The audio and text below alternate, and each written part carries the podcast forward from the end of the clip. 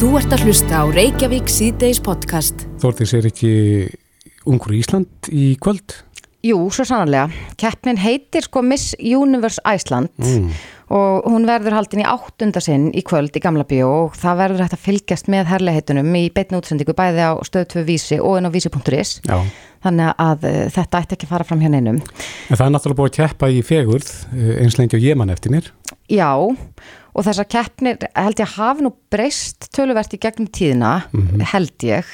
Og, og uh, já, það þótti nú fréttnæmt hér fyrir skemstu þegar var að tala um að, að uh, já, það var búið að breyta aðeins krítirjunni hverjir máttu taka þátt og hverjir ekki. Nú er til dæmis í fyrsta skipti uh, eitt þáttakandi barnshafandi En það mátti ekki áður. nei, þú máttur ekki, eh, þú máttur ekki einu svona eiga barn. Já. Þannig að mæður voru alveg undan skildar.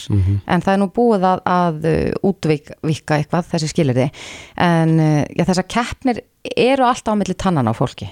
Það eru sömur sem að, segja það bara að þessi fásina að vera ennþá að keppa í slíku uh, árið 2023 en okkur skilst líka að orðraðin í kringum mm, já, inn á samfélagsmiðlum og kommentakerfum og, og svona þar sem fólk kannski segir fleira en það myndi segja annars Mhm. uh, að hún sé ansi um, harð orð en þetta verður algjör veistla í kvöld fyrir augun held ég alveg örglega og uh, kynir kvöldsins er skemmtikrafturinn Eva Rúsa og hún er á línni hjá okkur núna blessu og sæli Eva.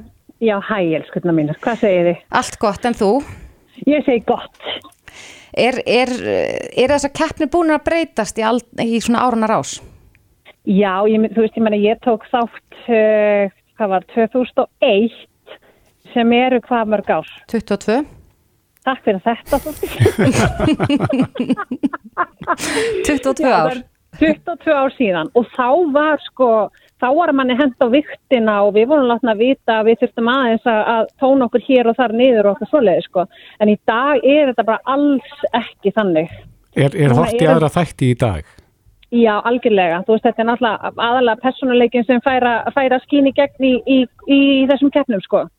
Mm En Og hérna, og þetta er náttúrulega kalla fegurðar samkeppni það er verið að keppa í fegurð er Já. það yfir höfuð hægt? við getum að hlaupa hérna út úr þessum látum. Já, gerðu það Jésús. Það er hlaupa svolítið. Maður heyrir allavega að það veri stuð í kvöld þannig er nú dúa lípa lagið úr Barbie myndin að óma á bakvið Jú, jú, það verður stuð í kvöld. En nú mann ég ekki hvað varst að segja. Nei, ég var að spyrja hvort það sé hægt yfir höfuð að keppa í fegurð er, er, er, er sko fegurð ekki eitthvað mjög afstætt hugtak? Þegur er náttúrulega afstætt hugtak alveg 100%. En eins og þú veist eins og ég segi, þú veist það er ekkit, það er ekkit bara útliti sem við erum að horfa á í kvöld. Þú veist þetta er bara presensin, hvernig að bera sig, hvað, veist hvernig er metnaðurinn hjá þeim, hvað manneskuður hafa að geima sem að spila miklu meira heldur en útlitið. Eru stelpunar ennþá að koma fram á sundbólum til dæmis? Já, það er koma fram á sundhötum og það er rauninni bara reglur sem komað utan. Mm Það er ekki, að því að þú veist, þetta er allt bara eins og til dæmis þessar formati sem ég fæ og þarf að fara eftir á sviðinu er format sem ég fæ að utan, sem ég aðlaga svo að íslensku, en þú veist, þetta er bara svona þarf hérna, beinagrindin að vera.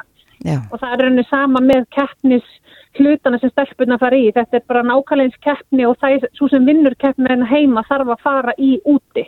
Er það ungfrú heimur keppnin sem að býður? það er Miss Universe. Þetta eru svona tvær stóra keppnir sem eru að núti í heimi, svona stærstu keppninar og það er Miss World og Miss Universe. mm Og stelpa sem vinnur ungur í Ísland núna í kvöld, að hún fer og keppir í Miss Universe.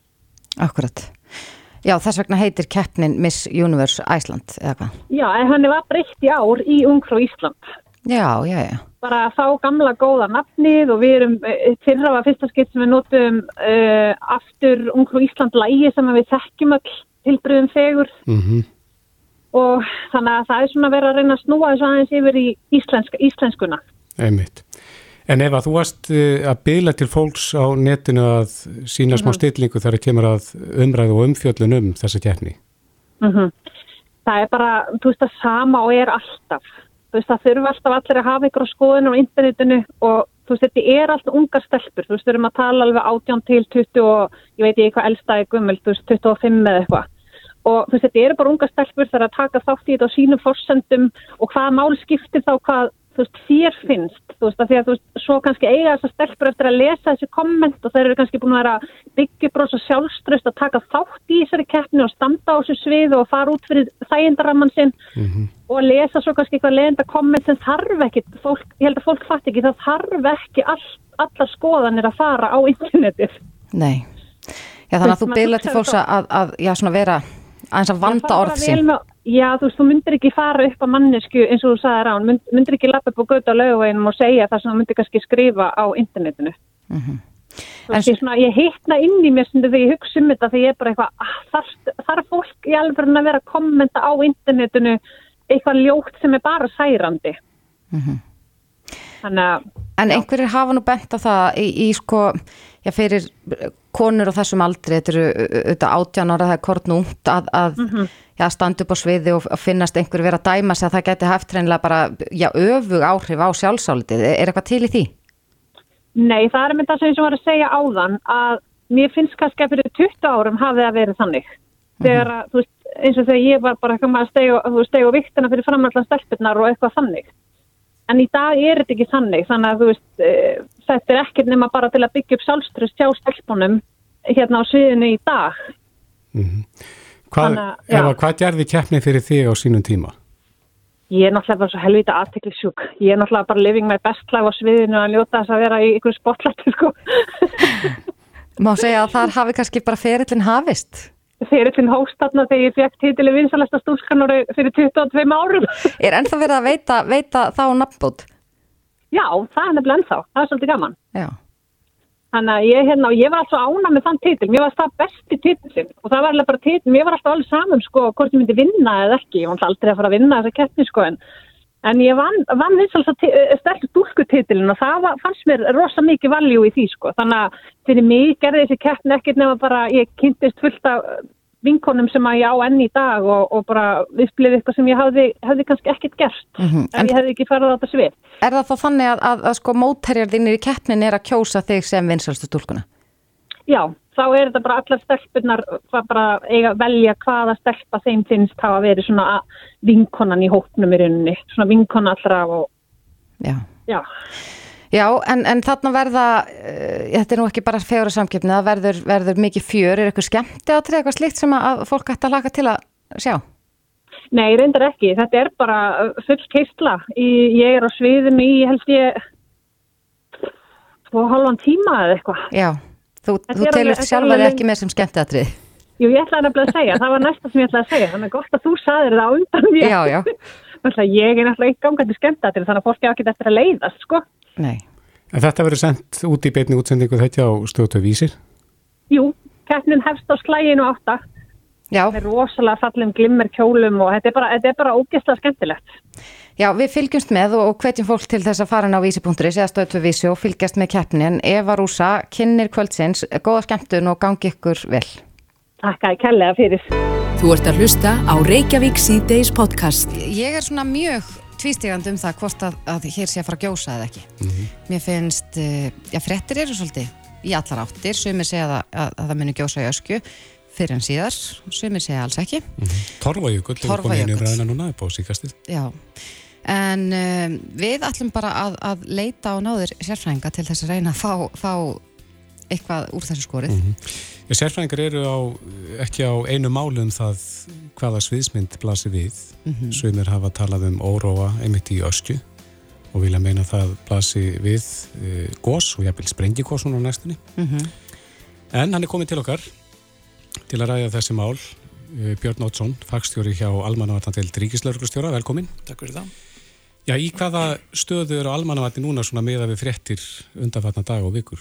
Já, við erum bara búin að vera í, sveipari stöðu allavega varandi öskju eh, síðan eh, landris hófst þar 2021 og, og þá var vöktun eld, það voru sett fleiri eh, GPS-tæki sem að mæla mhm. landreifingarnar og síðan er fylst með jarðskjöldamælum og þessa breytingar hafa bara verið svona þokkarlega stöðugar í þessi tvö ár. Þannig að það er engar nýjar sérstakar fréttir eða breytingar sem hefur orðið í sumar sem að hafa uh, kallað á frekari viðbröð. Kemur þessu umræða upp á síkast ykkur þá óvart? Nei, í rauninni ekki og, og þetta við lefum í lifandi landi og, og mm -hmm. erum búin að vera með þrjú eldgós á Reykjaneskaðunum Þannig að það eru margir uh, spendir svona fyrir þessari náttúruva og, og fylgjast með, vel með og við höfum líka óskað eftir því að þeir sem eru á ferni þarna að þeir láti vita ef þeir sjá eitthvað sem þeir telji óverulegt og það, það er það verið fyrir ekki uh, eins og aukinn jarðhitti uh, það eru hérna landverðir og síðan uh, leiðsögmenn sem fara reglulega þarna um eða sjá skriður eða einhver svona reyfingar á landinu sem að þarf að, að skoða betur. Mm. Þá er þeim upplýsingum komið til eh, veðustofunar og, og þau þá fara yfir þessar vísbendingar eða ábendingar og meta þá um, hvort að þetta sé aukin virkni tengt landrísinu eða ekki. Já, en það hefur nú verið talað um það að vasshittin í viti við öskuvatn uh, sé herri er, er, þið fá þessar upplýsingar til ykkar, er, er þá einhvern veginn bröðist við eða þurfum við bara að býða og sjá? Já, það er bröðist með þeim hætti að, að það er sérst mælt og, og núna er veðustofan og, og líka eh, starfsmenn jarvistastofnunar í svona árlegri mælingaferð upp í öskju og þau eru þá með bætri, betri tæki til að mæla þá líka sírustugi í vatninu og, og gasmæla hvort að, að séu aukin, aukin gasmengun á, á sveiðinu þannig að það þarf þá bara að fylgja þessum eh, ábendingum eftir og mæla. Og síðan uh, þurfum við að hafa svona þokkala góða mæli séri yfir einhvern ákveðin tíma til að sjá hvort þetta sé uh, breyting sem að er stöðug, segjum svo að, að hiti fari aukandi í viti næstu vikur og mánuðir að, að þá þarf að mæla það reglulega og svo bara setjum maður þetta á línröytt og, og sér í hvað stefnir. Mm -hmm. En það hlýtur að vera, vera sko, verðugt verkefni fyrir almannavarnir þegar að ég sérfræðingar tala stundum um sprengingos eða annarkos vegna þess að viðbröðin hljóta vera já, öðru vísi. Jújú, jú, og, og þau gera það og, og þetta er bara það sem við, við lifum við. Við erum í, í lifandi landi, við erum með yfir 30 eh, skilgreindar eldstöðvar á Íslandi mm -hmm. sem eru á, á yði og, og ef við horfum bara á öskju að þar eru líka um, þar er landslæði mjög lifandi og þar eru, eru fleiri hættur heldur en eldgós Við fengum skreiðu þarna voni í vatnið 2014 eh, sem að bjóð til flóðbylgju um, sem náði eh, svona meðaltalið 20-40 metra hæð á, á bakkanum og, og sömstaðar herra mm -hmm. og frá því að þá hefur uh, fólk verið sérst, varað við því að vera við vatnið sjálft uh, og viti, það sullaðist aðeins onni í viti á, á sama tíma. Um, þarna eru líka jæritasvæði og, og við þekkjum það að fólk hefur uh, náttúrulega lendið í slísum á, á jærdasvæðum annar staðar á Íslandi stíð honni hverri eða, eða brent sig. Um, og síðan getur orðið guðsprengingar og þetta er allt óháð landrísinu sérstaklega um, við hefum fengið guðsprengingar í, í Seltúni í, við hérna Kleivarvatn og víðar. Þannig að þetta er svona mjög dýnamist svæði og almennt séð að þá eru margar hættur. Um, en eftir að eh, landreysið hófst að þá höfum við að fylgja sérstaklega með því uh, hvort það séu aðrir fyrirbóðar sem að fylgja landreysinu eins og við sáum fyrir gósið 1961 þegar síðast góðs í ösku að þá voru uh, menn í, í svona síðustu leitum, eftirleitum að leita að kindum, mm -hmm. flugvel flugu þarna yfir og þá sáu þeir upplugan uh, gufu, strók standa upp og þar var að myndast alveg nýtt jarð þetta svæði Þannig að það voru mjög skýr merki um það að eitthvað var í gangi sem þyrti síðan að, að fylgja eftir. Og á sama tíma þá var líka eh, aukin jæðskjöldavirkni sem að mældist. Þannig að við erum svona að horfa til þess að, að ef til gosk kemur eða ef, við, þetta þróast í þá áttina að við fáum einhverju frekari fyrirbóða heldur um sér hinga til. Mm -hmm. Hvaða ferli fyrir gangi ef það byrjar að gjósa? Um, sko ef það byrjar að gjósa þá skiptur öllu máli að, að átta sig hratt um, á því hvernig gósið er, mm -hmm. um, hvar það er og eldstöða kerfi á Íslandi er yfirleitt byggð af einhvern svona megin eldstöð sem er þá svona móðurinn, það sem að hérna uh, kvikuhólfið liggur undir. Og svo eru við með sprungusveima sem að liggja út frá megin eldstöðinu sjálfri. Svona eins og við sáum í, í þegar hólurhund myndaðist úr, úr barðabungu, hvernig kveikan leitaði undir jökulinn og kom síðan út á, á söndónu fyrir norðan Dingjökul. Um, þannig að þetta er eins og segi, fyrsta máli er að staðsetja eldgósið ef, ef það hefst, um, að hvaða hérna, tókum það er um, og hversu hérna uh, rætt raunið dreifist út frá, frá því. En rýming? rýming um, ef við förum inn í öskju að þá ganga flestir frá Vikraborgum sem er, er bílastæði þar og inn að Víti og þetta er um 2 kilometrar ganga sérsagt, hvora leið og uh, flestir eru svona, þó þetta sé stort svæði að þá er, uh, eru flestir á sömu leiðinni Þannig að eitthvað viðvöruna bjöllur eða sírenur Nei, það, það er ekkert svo leiðis fyrir hendi um, Fylgti það að vera?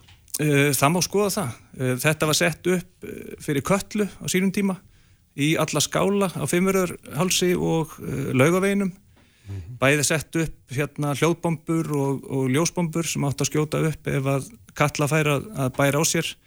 Síðan þróustu við í tækninni og erum komið með SMS skilabóðakerfi sem er þá sendt út á, á síma á svæðinu og þannig að, þannig að þessar hljóðbombur og, og ljósbombur voru teknar í burtu og eru eru tímasamband á þessu sveið? Nei, það er liðlegt tímasamband.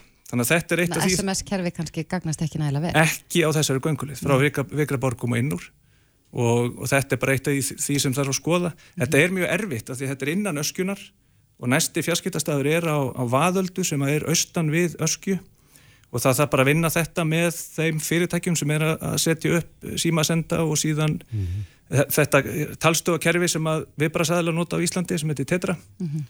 og sjá hvort það sé með einhverjum móti hægt að bæta akkurat símasamband eh, og fjarskiptarsamband á, á þessari leið til þess að koma þá upplýsingum til fólks. Já, þetta er hansi vinsæl göngu leið e, e, og nú er veðurstofan og, og eins og segir ég er að sviðið að, að skoða þetta og, og við skildist á fréttum í dag að við fáum einhverja neðstúru því á morgun. En stendur til mögulega að loka leiðinni eða, eða vara fólk við að vera á svæðinu og meðan að óvissan er ennþá? Fólk er vara við. Og, og þeir sem að aka þarna upp í, í öskjubrotið eða, eða frá drega þar sem skálanar eru að þeir fara fram hjá skiltum og upplýsingum sem að landverðir vatnaðugustjókars hafa sett upp um, það sem að eh, sem sagt, er vara við að, að það sé óvissu ástand um, og fólk eigi sérstaklega ekki að fara niður að vatninu eða ofan í viti og þetta er búið að vera núna í, í undanferðum sömur þessi varuðskildi og, og það, þau hafa líka ágetis yfir sín yfir það hversu margir er á ferðinni og farað þarna inn úr. Og heilt yfir að þá eru, eru landverðir niður í, í drekka uh, og einhver staðar á svæðinu frá Vikraborgum og og, og inn að öskjuvatni þannig að fyrsta viðbræði er að, að það er sendt út sagt, hérna, SMS til þeirra viðbræðsæðala sem eru í eða á viðbræðsáallunni og það byrja strax samtal millir þeirra í fjarskiptum um, og strax þetta mat hvar er fólk, hvers, hversu margir eru um, og hvernig getur við nálgast það mm -hmm. eh, Ef að það verður sprengigós má það búast við því að flug leggist af til að byrja með? Það fer eftir hvernig sprengigós Sprengigós eru tvennum toga mm -hmm. á Íslandi, svona ef við tökum hérna uh, það sem að segja góður í íslensku end members.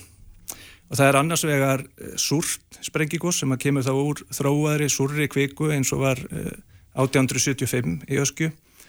Og síðan er það sprengigós sem er í, í basískri kviku um, það sem að vatn í rauninni blandast kvikunni og, og tætir hana og svo fáum við góðsmakk upp. Við höfum séð það í, í grímsvötnum um, reglulega og, og síðan í, í hérna e, surtsei mm -hmm. þannig ef að við fáum hérna e, svona basist sprengigós í, í vatninu sem slíku að, að þá má búast við að það er því þokkalega staðbundið.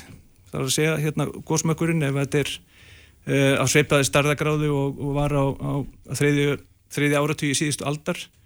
E, ef við fáum sveipa gós eins og 1875 að þá mun það klárlega hafa áhrif á flugumferð en, en helsta áhættan er á jörðunniðri þar sem við erum með fólk. Um, og sá gósfasi hann stóði yfir í einhverja 6 klukkutíma. Þetta var ekki lengur en það. Og bæði fyrir og eftir þetta gós 1875 sprengigósið að þá vorum við með uh, töluverða virkni uh, innan sérsagt öskju eldstöðverðnar þar sem vorum líka með hraungós sem voru að flæða, það voru skjáltar, það voru gufumekkir það var, þannig að það var miklu, miklu meiri gangi heldur en við erum að sjá akkurat núni í dag. Mm -hmm.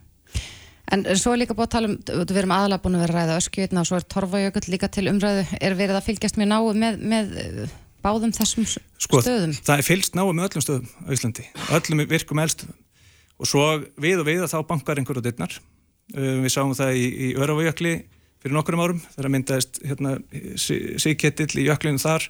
Og þá farða stað og, og okkar megin tæki til þess að vara við uh, eldvirkni eða veldgós er, að hefjast eru jæðskjaldamælar af því að þú þarfst að brjóta bergið og grunninn til, til þess að komast upp og, og þeir hérna mæla það og, og, og segja okkur þá ef, ef eitthvað er í gangi. Og síðan er það GPS-tækin sem, sem að mæla þá landtreyfing og yfirborði ef við erum með kviku sem er að þrýstast uh, í einhverja leiðir undir yfirborði og þá sjáum við með, með, með GPS-tækjunum.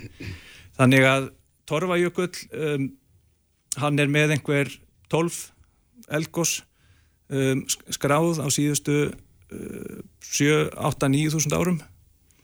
Um, Askja er með um 200 mm -hmm. og við erum, erum með 60 eldgós í, í grímsötnum síðustu, síðustu hérna, að það eru ná sögulegum tíma þannig að, þannig að Torfajökull er alveg stærðagráðu eh, eða gís stærðagráðu sjaldnar heldur en askja en hann er svona eh, má segja mjög háþróuð eh, megin eldstöð þannig að það er súr kvika sem er í þessari eldstöð og, og ef að runni kvikusöfnun heldur áfram og endar síðan einn daginn í elgósi þá, þá eru meiri líkur á því að við, við getum fengið einhvers slags eh, sprengikost tengdri súri kviku þar.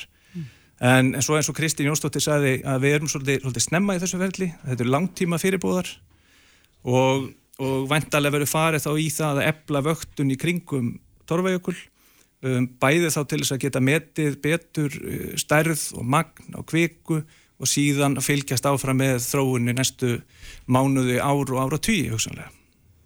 Já, það, en, en eins og við kannski sögum hérna á þann að þá er þetta eh, mikil, mikil óvisa og er, er það kannski bara alltaf þannig þegar við erum að, að mögulega sjá eldstöðvar vakna til lífsa nýju eða eitthvað slikt að, að það er aldrei hægt að segja með fullri vissu hvort það muni gjósa eða hvenar? Nei, það er ekki hægt að segja það með, með fullri vissu og í raunni er tímafaktorinn alltaf svolítið erfiður í þessu en það sem að skiptir okkur máli hjá almannavörnum er að við vöktum með þeim tækjum sem að uh, við, við hérna, sem að, sem að henda hvað best mm -hmm. og síðan að við séum þá tilbúin að bregðast við og viðandi hátt þegar og ef eldgóðs hefst. Já, og mér heyrist ég ekki vera mjög stressuð að það sé að gerast alveg í bráð. Nei, við erum aldrei stressuð af því að við erum svo vel undirbúin. Einmitt. Akkurat, uh, Björn Ottsson, jarðeðlisfræðingur og, og fagstjóri hjá Almannavartan til Ríkislauglustjóra. Kærar þakki fyrir komuna. Takk fyrir það. Þetta er Reykjavík C-Days podcast. Eh, eh, sem er aðstofar yfir lauruglu, þjóttnjárlauruglu og höfuborgarsvæðinu og eh, já, nú er þetta hins einn dagar nýbúnir. Þeir mhm. voru það, þeim lauk með gleðugöngur um helgina og þrýr menn um tvítugt voru handteknir fyrir skemstu grunnaður um að setja upp limmið á skilabóð með hatursfullum skilabóð og svo hefur verið talað um, um að hefur verið einhverja aðlar að skera niður ekki búið að fona hér þar. Mm -hmm. en hann Ævar Pálmi segir hér í viðtali að, að greining lauruglunar bendi til þess að stígandi sé í öfgahyggju í samfélaginu. Þetta allavega samkvæmt honum tengis ná eitthvað samfélagsmiðlum og, og orðræðan er á ymsum sviðum orðin ansi já, harð orð má segja. Mm. Og Diljanir Steinarstóttir, þinguna sjálfstæðarflokksins, eh, rætti þetta í hlaðarpinu fyrir stjæmstu að það væri hugsanlega eh, hægt á að aukahyggja myndi aukast á Íslandi. Já, en hvað veldur og, og, og hvernig er þetta bregðast við þessu? Er eitthvað sem að stjórnveld geta gert til þess að, að reyna að stemma stígu við þessari þróun? Diljanir Steinarstóttir er á línunni hjá okkur. Blessa og sæl komið selvblessað.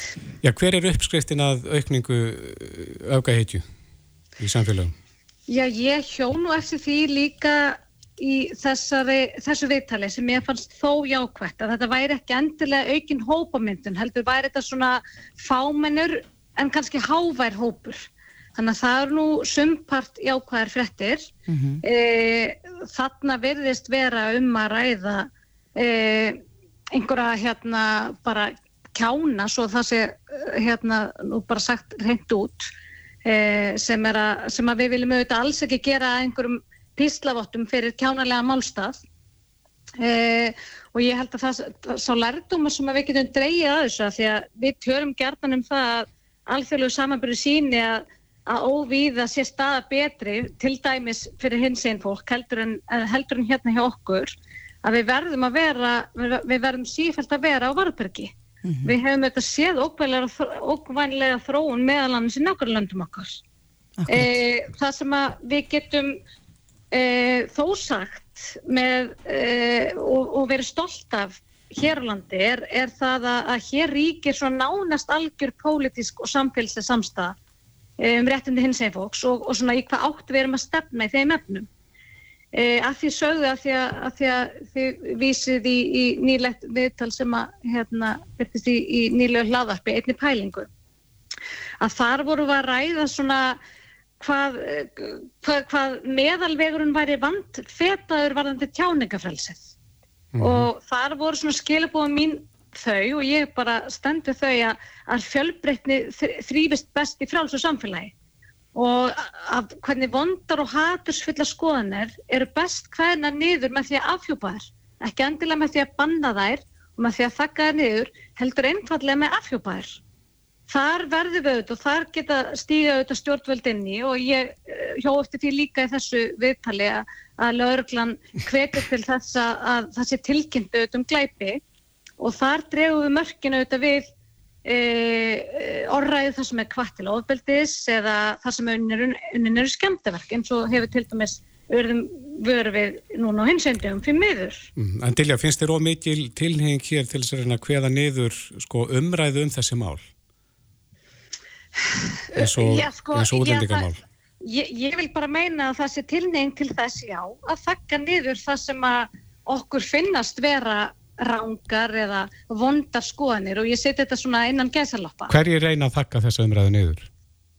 Já, ég, já, það er bara tiltengt þess viða í samfélaginu og við höfum séð slíka tilbörði geta af sér, tekið sem dæmi til dæmis í bandaríkunum e, polariseringu bæði þá til hægri og til vinstri e, af því að svona minna umbröðlendi í formi svona útbreytra viðurkendra skoðana ef við segjum að segja til einhvern svona mainstream viðurkendra skoðanir ef að, ef að það er eins og til eh, að, að það getur af sér þá bara hérna polariseringu og, og jáðarsetningu og það er það, og, og, og svona, svona atbyrður eins og, eins hérna, þessi skemdaverk sem eru hérna bæði hattisvill og og, og auðvitað bara tjóna og eignarspjöll eh, á eignum annara. Þetta eru yfirlega verknæðar sem eru framtir í skjóli næturs, einmitt, nætur einmitt af því að, að þetta fólk gerir sér fulla grein fyrir því að, að, að þetta eru ekki viðtekna skoðanir og, og, hérna, og, og reynilega kjánalegar. Já, en, en það er hægt að yfirfæra þessu aukahyggju yfir á, á hinn ímsu málöfni, málöfni mm. hins einn samfélagsins, útlendingamál og þetta var mikið til umræðu hér, hér í, í MeToo og annað. Maður gæti raun og verið talið lengi, en hver er þá rétt að leiðin til þess að reyna að snúa þessar þróun við? Er það að Já eins og þú segir að reyna ekki að þakka niður þær skoðanir sem einhverju telja ja, slæmar eða ekki réttar? Já, bara aftur, við verðum auðvitað að draga það skýr mörg á milli þess þegar það er að hvetja til ofbeldis. En eru mörgin mjög skýr? Það er nú stundu verið að tala um þetta sé frekar óljóst hvað telst haturs orðræða og, og hvað ekki? Já, en það er nú, það, það er nú þá kannski hlut, líka hlutverk stjórnvalda að, að skýra það og, og hlutverk lögjafans að skýra það, að skýra þessi mörg betur. En, en skilabóðan er í raun, er í raun þau að vondar og hattisfulla skoðanir séu best hvaðina niður með því að afhjúpaður, ekki með því að þakka niður, heldur einfallega þannig ef við leifum þessum skoðunum að, að hérna og, og þeim einstaklingum sem að fyrir það standa að afhjúpa þær að þá verður það hvaðina niður mm -hmm. og, og, í, og það er auðvitað það sem við trestum á í frjálsu og opnu líðræðið samfélagi. Já, en finnst þér tilöfni til að, að, að lögjafinn takja eftir sína hendur og skýri betur Ég held að það sem við höfum þörftum út að vera að reyna að gera með minnsjöfnum árangri er að skýra alltaf betur og betur og betur. Við erum alltaf að reyna að, að, hérna, að, að ramma betur og betur inn hvaða er sem við teljum vera, hvaða hópa við þurfum að vernda betur með því að tellja fleiri og fleiri hópa, með því að einhvern veginn hérna, útvika eh, eh haturs glæpa hugtaki og svo framvegs. Og það hefur ekkert endilega gefist vel heldur.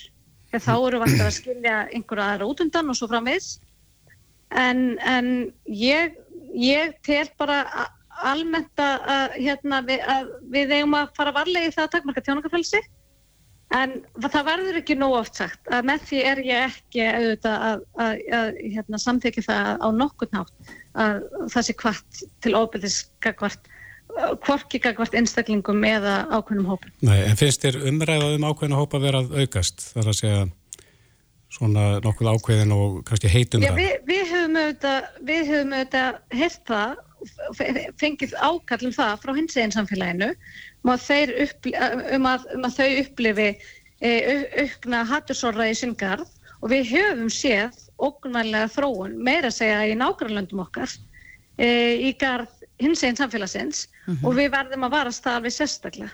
Því að það munum við auðvitað ekki líða hér í okkar okkar fráls og umbyrlenda samfélagi sem að við erum svo langt, langt, langt best sammálum að við viljum e, halda til haga. Já, eh, hann Ævar Pálmi saði hér í viðtalunum um Bjell sem ég var að vísi á þann að, að eh, já, það eru einhverju áhrifaldra samfélagsmiðlu sem standa fyrir svona orðræðu og, og, og þá kannski er einhverju hér ungt fólk sem er að apa eftir slíku. Er þetta kannski verkefni fyrir fóreldra?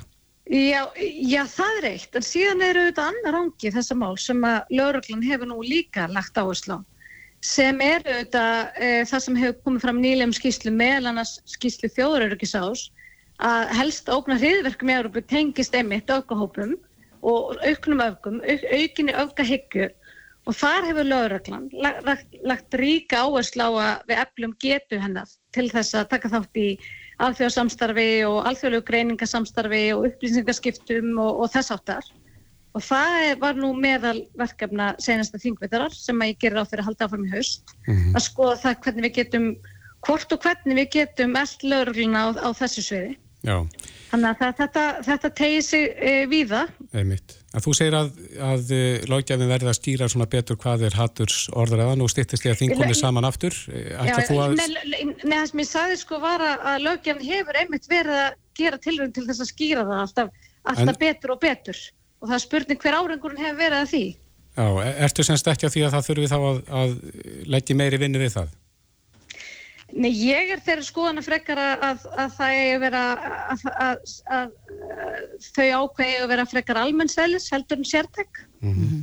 að við hefum ekki að leggja þá vinnu og vera alltaf að útvika hugdagi með því að, að reyna að týna til að, við, að það er að vera almennara Já. að þannig getur við frekar jafnbræðis heldur en að vera alltaf að týna, reyna að týna til og týna enn nýja og nýja hópa sem við viljum enda sérstaklega að því við höfum auðvitað reynd að gera það Akkurat. og til þessi eru þessi ákveði auðvitað sett, sett til þess að vernda sérstaklega ákvæmlega hópa. En þú talaði nú um, um sko, samanburðin ágrannríki okkar sem eru, já, oftar en ekki kannski örfám skrifum undan okkur í svona þróun til dæmis. Mm. Uh, eh, er við of seina bræðast við að reyna að draga lærdóminn alltaf þegar að sko, já, það er komið upp eitthvað ástand? Já, við höfum stundum verið svolítið svona selektífa það að hva lærdóminn við viljum draga og hvað ekki En, en þetta er nú kannski frekar verið í löndum sem eru aðeins fjær okkur heldur en svona okkar nánustu heldur en Norrannuríkan til, til að mynda. Mm -hmm. Þessi þróun sem við svona fylgjum svona sérstaklega með. Þegar við erum auðvitað mjög stolt af því að, að e, staða hins einn fólks sé talin betur hér heldur en víðast hvar annars þar. Mm -hmm. Já, við verðum að setja punktin hér, við skulum sjá hvert þessi umræða leiður okkur en, en umræðan hún er nöðsynleg um uh, stóru málinn sem smáum. Samanlega því. Já. Dilja mig Steinastóttir, þingmaður sástæðarflóksins, kæra þakki fyrir spjallið. Takk fyrir mig. Þetta er Reykjavík C-Days podcast. Gæjan áfram skottumstið í Reykjavík C-Days í morgun í bítinu. Eh, mætti Hannes Steindásson, fastegnarsæli og fyrirvendu formað félags fastegnarsala. Mm -hmm. Og hann var með svolítið sérstakar spá, framtíðaspá, varandi þróun íbúðavers. Já, það hefur nú verið talað um að íbúðaverð hefur frekar lækkað en hækkað svona upp á síðkastið og, og já, komið svona meira jafnvægi á markaðin en auðvitað er alltaf talað um, um já, umfram eftirspurn mm -hmm. eftir húsnæði en, en hann spáði hvorki meirina minna en 25% að hækkun árið 2025 og það er nú bara frekar lítið eftir þannig síðan 2023 það stýttist í þetta Einmitt. en já, þetta lítur af áhrif og, og maður veltir því oft fyrir sér, það er oft talað um að steipan sé besti fjárfestingakostur en, en hvað er best í þessu? Björn Berg Gunnarsson, fjármálar á því að við erum komin til okkar velkomin. Þetta er stóð spurning. Hver, hverjir eru bestu fjárfestingakostirnir í dag? Er það steinsteipan eins og talaðu við verið um?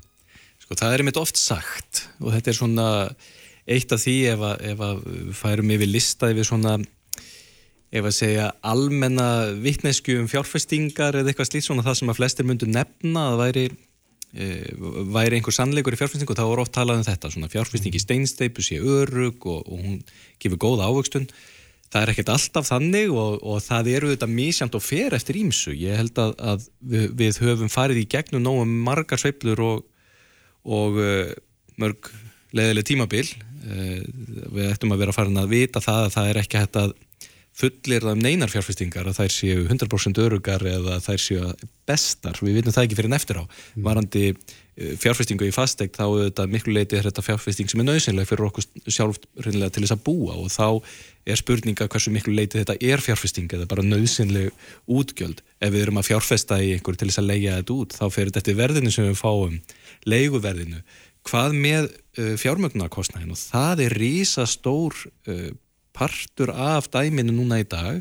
Og mér fannst það góða punktur, hann nefndi það með Hannes í, í morgun, hann sagði að við þessar aðstæður eins og eru núna þessum vextir eru þetta háður og verðbólka þetta mikil að þá sé nú ekki sérstaklega góð hugmynd að skuldsetja sér mjög mikið. Mm -hmm. og, og, og í langflestum tilfellum eru þetta fólk að skuldsetja sér gríðarlega mikið við fastegnarkaup og jætvel meira en nokkur sinni á æfinni, nokkur önnur tilefni Þannig að það er mjög mikil áhætta í dag sem fylgir skuldsetningu í, í fastegnum. Já, en, en er það ekki líka kannski svona hluti af vandanum að ef við förum að líta á sko, steinsteipuna sem fjárfestingakost og ég á bara uh, vola fint hús og svo kaup ég fimmar íbúður og þá líka keirir það upp fastegna verðið og, og, og skekkir kannski svolítið markaðan þegar fólk er að, er að sko, sanga að sér fastegnum. Jújú, jú, það eru þetta, býður alltaf upp á þann möguleika. Uh, ég held að við höfum svo sem ekki séð það gerast hér. Það er það dýrt að gera þetta, að, að, að sanga þessi fastegnum að, að það er ekki, það er ekki mikið, það eru þetta eitthvað um það, öðruvísi væri engin legumarkaður til dæmis, ef, ef fólk ætti ekki fleirin eina eign, þá væri ekkert til þess að leia út og, mm. og ekki höfum nú stóru mikið legufélög.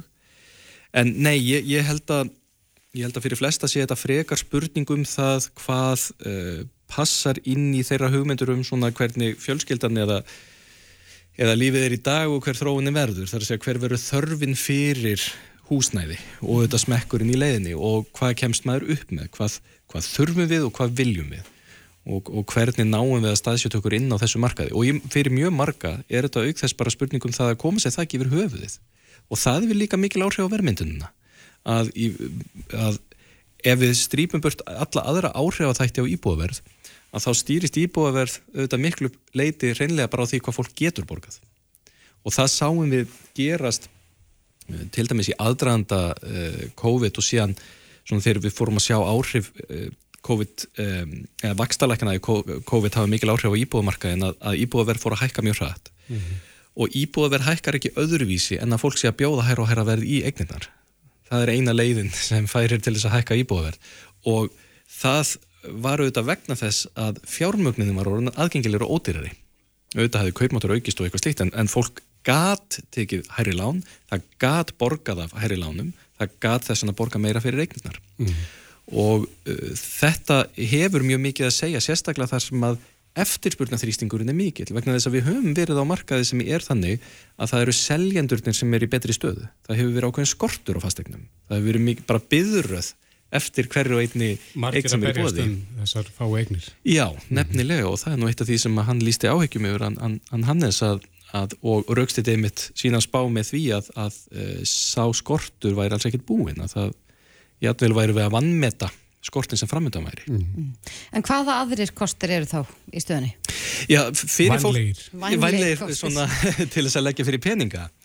Já, uh, ég allavega, ég bríni það fyrir fólki oft varðandi uh, þessa spurningu að við þurfum að hugsa alltaf um tvo hluti. Það er annars vegar hvaða áhugstum munum við fá og síðan hvaða áhættu erum við að taka í átt af þessi, þessari áhugstum. Mm -hmm. Vegna þess að það, ég gæti sagt við ykkur, ég veit hvað þú getur fengið 100% áhugstum þegar þú fer bara á rullettuborðið og ert heppin þá fer 100% áhustun mm. en áhættan er ófyrirgevaleg, hún er ómikil og fjárfestingar eru flestar þannig. Það sem að við getum til dæmis fengið á Íslandi og raunhafur kostur í dag er það að við getum sett peningin á verðtriða bók þá fáum við enga vexti eða því sem næst enga vexti en við fáum alla verðbólgu sem verður í landinu bætta og greita bara beintinn á reikningin alveg óhauði hversu mikil svo verðbólga er. Mm -hmm.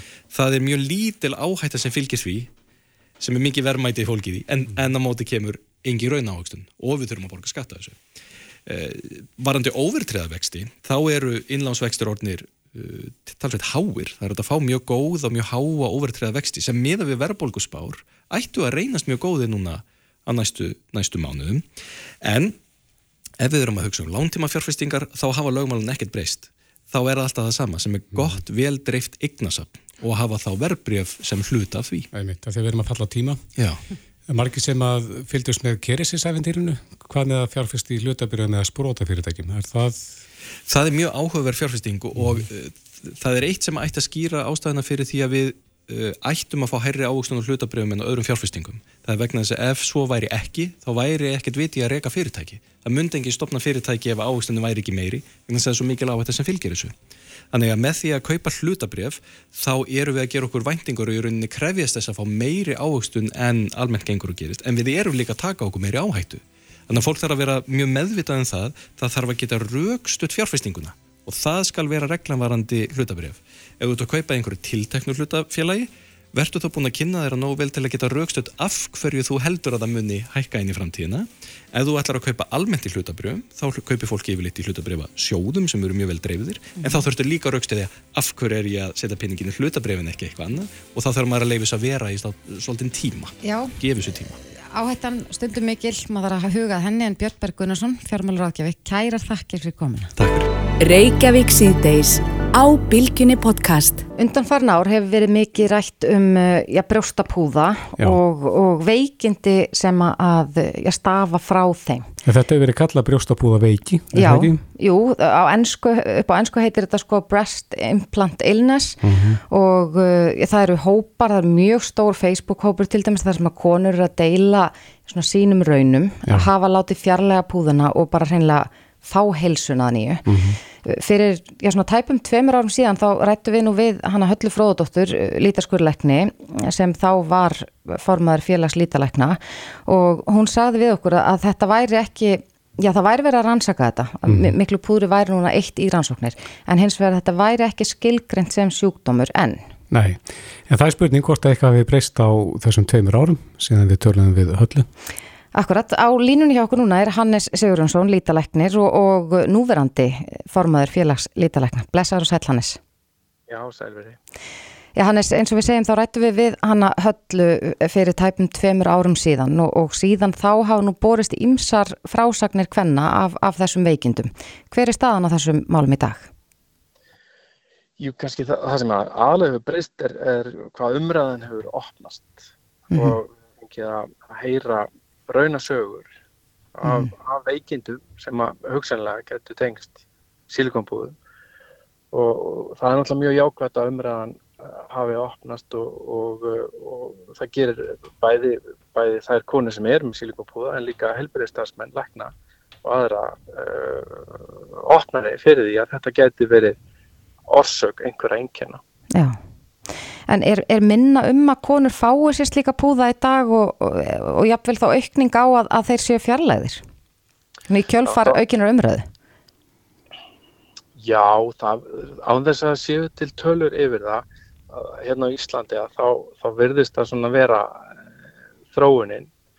Uh, og þessi vandan alltaf hjá okkur á Íslandi er, er svona miðlag brjóstapúða skrá það eru til haldna skrári yfir Eh, ákveði lækningatæki sem er sett inn í fólk en ekki, ekki brjóstapúða nema bara svo skrá sem að lítalæknar halda fyrir sig sjálfa.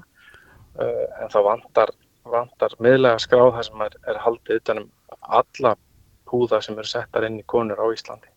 Og, hvað, hvað kemur þá fram í þeim upplýsingum? Gerð púðana eða? Já, það er það sem að, það er það sem að kemur fram í svona skrá. Það er sá, þá dölkóðu tenging við, við einstaklingin uh, en þá kemur uh, aldur og kyn og, og uh, gerð púðans, raðnúmer jafnvel og, og svo framvegs. Þannig að það er nákvæmlega hægt að, að kortleggja og reykja til dæmis eins og varandi pippúðamáli að þá hefði líklega verið, verið hægt að uppvita galla í svona lækningatæki eins og silikonpúður eru mun fyrir. Mm -hmm. En hvað stendur í vegi fyrir því að það sé haldin skrá um þetta? Væri það á, á sko, já, forræði heilbreyðs yfirvalda að koma því í gagnið? Já, það er svona, það er svona hefur verið talað um það að það sé livjastofnun sem að, sem að ætti að vera forsjóraðili og, og halda utan að svona skrá og, og, og þar er fjárskortur það er verið ástæðan fyrir því að hamli því að hægt sé að setja á fót svona skrá. Mm. Er eitthvað annað hægt að nota við brjókstastækkun heldur en sílikompúða?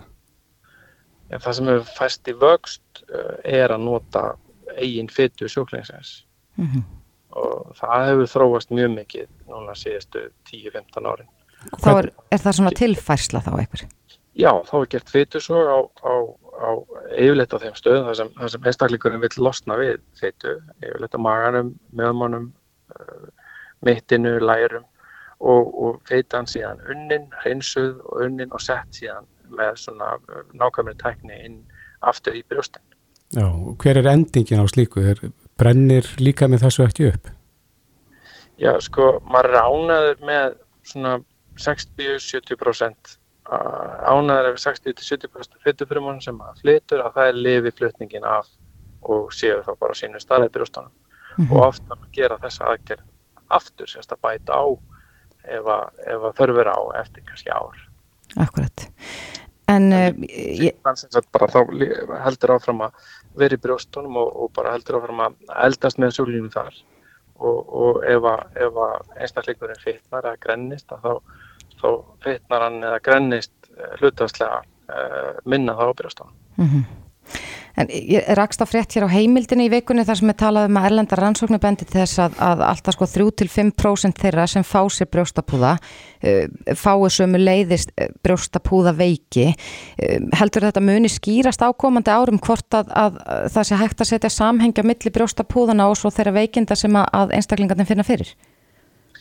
Já sko það hefur þegar verið gert og, og það, er, það eru, eru til rannsóknir sem að sína uh, alveg svart á kvítu að, að sílikonpúði eða efni í púðanum getur rest ónæmiskerfið og gerir það mm -hmm. meist mikið eftir tegundum en, og, og, það eru, og það er þetta hlutfall af einstaklingu sem fá í sig sílikonpúða sem að þóla ekki þetta stöðu áriði. Þetta er sama eins og með, eins og með miklu í húsum eða sumir þólaða vel að vera uh, í, í húsi með miklu eða búa í húsi með miklu en aðrir, aðrir ekki.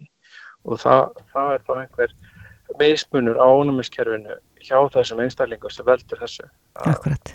Ónumiskerfinu þólir ekkert að stöðu áriði Nei, hefur þú uh, já, fengið til þín konur sem að hafa vilja fjarlægt, fjarlægt sko, láta fjarlæga slíka púða og, og svo í kjálfari líst betri helsu er þetta já Er það algilt að konur nái helsa nýja eftir svona? Þa, það er ekki algilt, nei. nei. En, en það kemur fyrir reglulega að það finna mikið mun á sér.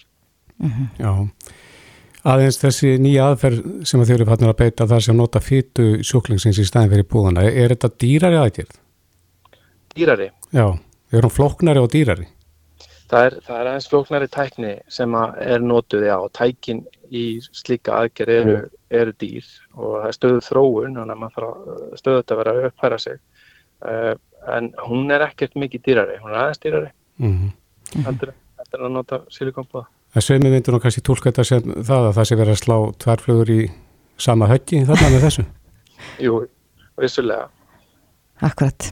Já, þetta eru, eru aðteklisverðar frettir sem er að byrjast af þessu og, og, og, og svo hafa þetta konur talað um að það er gríðarleg, um, ja, gríðarleg kostnaður sem fylgir því að láta fjarlæga púðana. Eh, heldur að það verði eitthvað endurskoða? Nú hefur verið talað um að sjúkra tryggingar taka ekki þátt í, í slíkum aðgerðum? Ég held á meðan að allt þegar helbyrðistofnunin og viðkenni sé ekki búin að viðkjanna, hægt er að segja svo að brjóstapúða veiki sem sjúkdóma það, það verður þá, þá erfitt en auðvitað finnst manni það að, að þeir sem eru lastnir og veikir á einhverjum ástæðin uh, og búa í þjóðfélagi þar sem við viljum að veikt fólk fái aðstofa að þess að, þurfa að greiða mikið fyrir það þá, þá ætti það að vera þannig á. Akkurat. Já, uh, Hannes Siguransson, lítalæknir og formadur félags íslenskra lítalækna. Kærar þakki fyrir þetta.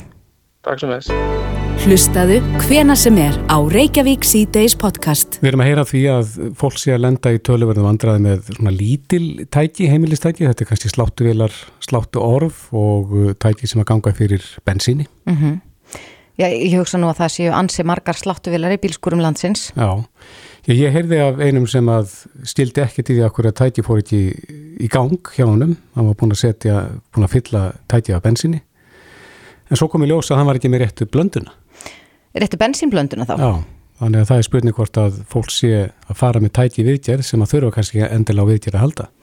En, en er hægt að nálgast réttu blönduna? Já, hann veit ímislegt um þessi mál, Runolur Ólásson, framgóttastjóri FIB, kom til sæl. Já, komið sæl. Já, þetta er tilfellið ansi víða heyri maður. Þólti spyr, er Já. hægt að nálgast réttu blönduna? Sko, það sem er eina sem er í bóði fyrir þá sem eru með tæki sem eru viðkvæm fyrir þessu í blönduna etanóli, þetta á 10%, það mm. er bara þá, hann notaði svo kallar 98 oktan bensín. Mm. Frambóða því er, jú það eru nokkra stöður á höfuborgarstöðinu sem selja 98 oktan, einn í Reykjanesbæ og svo er tvær á Akureyri og einn skilst með nú búið að opna fyrir þetta á eigilstöðum eitthvað stöð en annars fæst það ekki mm -hmm. á öðru stöðum á landinu. En nú, nú tala ég sem mjög fáfróð kona um bensin og, og já, þessi tæki líka. Hvernig á ég að vita það? Hvort, hvora blönduna, já til dæmis sláttuvíli mín, vill? Þólir, já. Sko, í flestum tilugum er örugar að nota þá 98 mm -hmm. þegar maður hefur aðganga því en uh, við erum að fá líka öllningar um eins og nefnir sem minni tæki þetta höfum við fyrst og fremst verið að, að hérna leifbeina fólki varandi aukutæki og þá erum við mhm. með lista yfir það bíla sem að þóla þetta hérna er tíu elsniti þá sem þólað alls ekki það er verið að selja ykkur, ykkur bæti efni sem ekki er alveg hægt að garantera að fullnægi sé fullnægandi eh, til þess að koma í vekk fyrir hugsanlega skafa mm -hmm. Ég er bara einnig með fyrir frafa með tölvupóst frá einum félagsmanni sem myndi bara láta okkur vita eh, ástandi sem hann dóttir hans lendi. Hún er með lilla skellinöðru og uh, hafði fyllt á skellinöðruna á hann og fór í sumafrís og var hann í burt í fjóra vikur. Þegar hann kemur tilbaka þá er fyrir skellinöðrun ekki í gang og það farið með hann á verstaði þá kemur ljósa. Það hafi verið sett að ég er tíu elsniti á hann á hann og fór. Svo satt það á, á, á tækinu og orsakaði það að elsniti fór að skilja sig, stíplaði hérna blöndung og uh, það hún þurfti að kaupa út ykkur að viðgerð og, og, og, og núna sér hún fram á að geta ekkert annað en nota 98 aftan bensín. En það er engi sem varaði hana eða aðra neytendur við þessu áður en það var sett á allar dælur elsnetisfélagana mm -hmm. og það er það sem við höfum líka gaggrínt Þetta en, var bara með, með, með bara eitt sem öll fóruð að selja þetta bara til april ánu og þessu ári. Já, en, en hver er réttasta fólks í þessu mál, svona málum ef að ég bara í góðri trú set bensin á sláttuvélina eða, eða hvað tæki sem er og, og að tæki verður fyrir skada vegna þessa? Réttastaðan er sannlega mjög lítil og erfið þar að ekki að því að það er okkar að fylgjast með í hvaða elsneiti tæki þólir. Það var þarna til að byrja með voru ólífyrir ekki einu svona merk að það væri verið að selja blöndu af bensín sem væri eh, til 10% etanól. Þannig að þá hefði hugsanlega verið hægt að uh, krefjast einhvers, öll tókuði svona á að fóra að merkja. Mm -hmm. En eftir það er það okkar neytenda bara að afla uppsing og það er það sem við líka gaggrind. Nú eru þetta þjónustu fyrirtæki þar sé ólífjörlegin og þau gefa sér út fyrir það að vera sérfræðingar í, í óljum og, bensíni og svo framvegis. Og uh, beita faglega þjónustu. Mm -hmm. en þessu var skellt inn á markaðin eins og svo nokkur vissi af. Og uh, það var ekki komið neyn skýr svör frá þeim sjálfu með að þá að þau sé að selja ykkur efni þar sem þeir segja að við getum garantera það að þetta tæki að þessi bíl þólir eftir sem áður notkun á E10 eldsneiti ef að þessu er blandað út í. Mm -hmm. Þannig að eh, ég bara verða að viðkynna að þarna kannski er að býti hælan á okkur þessi fákjefni. Það sér engin einhvern veginn haksin í því að bjóða eitthvað annað og betra og við erum að tala um sko, það er fullt af litlum tækjum á tólum og líka bara utómborsmótorar á bátum, þannig að þetta er, getur verið mikil bara slísa hætta ef að þetta ekki bregðast á augustundu og svo þar að ekki er þessi tæring, það verður tæring, getur orðið tæring í elstættistöngum mm -hmm. ef að E10 liggur í langan tíma og það getur sem sagt riðmyndun og þá getur hugsanlega að fara að leka eldsneiti frá þessum tækjum og tólum og bílum og hverju sem er mm -hmm. og það var það þá hérna bara brunahættu til dæmis og það eru ekki smál ofnbæra aðlega hafa bara verið í sumafríi síðan í vor. Mm. Það verið ekki teist frá þeim í miður. En þú lístir hérna áðan Runólfur því sem gerist í stjellinaurinni þetta getur vantilega að það gerst líka í aukutækjum sem að eru stílin eftir? Alveg sama sem ásist að þar. Já. Og hefur þið heilt af því? Já, já, og það, þetta er mikið, sko, ef þú setur svona eldi, segir bara með talingum þeir sem eru að hugsa vel um til dæmis gamla bíla og portbíla og svo frávís, þeir nota á sjaldan og oft er þessi bíla geimtir inni eins og við veturinn, þá á algjörlega passa það að sé ekki svona E10 eldsneti sem að liggur á bílunum. Já. Það gerist ekki stórt ef þetta nota kannski einu sinn tvísvar bara og finnir það svo út með þá 98 bensín eða passar upp á að reynsa út eldstillislagnir mm -hmm. en þetta, er, þetta getur verið virkilegur skadvaldur Já, en það lítur að vera þá mikilvægt að fyrir okkur neytundur að vera vakandi og, og, og allavega kynna okkur það hvers slags bensín tækin okkar þóla til þess að lendi ekki skada Já, það er mjög mikilvægt og sem ég segi og ég ítrykka það, það er bara fyrðulegt að fyrirtæki skul ekki vera með almenna kynningu. Við erum jú á þessum tímum þar sem að allar gáttir eru opna til þess að koma upplýsingum á framfæri við neytendur sem aðra. Mm -hmm. þannig að það er alveg fyrirlist að það hefði bara gert eins og það væri bara sjálfsagt að skella þess á að svo nokkur vissi. Já, en svona fyrir þá sem að veru með tæki sem eru skemmtilega hægt að virka að þá væri þetta kannski ráð að skoða þetta nummer 1 og 3 Að... Já, það er bara hreinlega þá að nota dýrara bensíni sem er þá aftur 100 krónir dýrara á lítra ofta tíðum. Og svo er það bara það vestfyrirni þeir hafa ekki aðganga 98 oktana bensíni og, og það er eitt sem er óttust líka fólk sé að kaupa þetta jafnvel í einhverjum tunnum eða töngum til þess að fara með til síns heima og það er náttúrulega ekki eskilegt að, að Pétur og Pál sé að nota svona fólksbílin sem, sem elsnittisflutningabíl mm -hmm. Akkurat. Já, það er mikilvægt að vera vakandi og, og eins og segir þá var, var þessi breyting gerð já nokkuð þegjand og hljóðalust. Já. Já, Runolfur Ólafsson, uh, eh, frangátastjóri FIB. Kærar þakkir fyrir þetta. Sumulegis, takk. Les.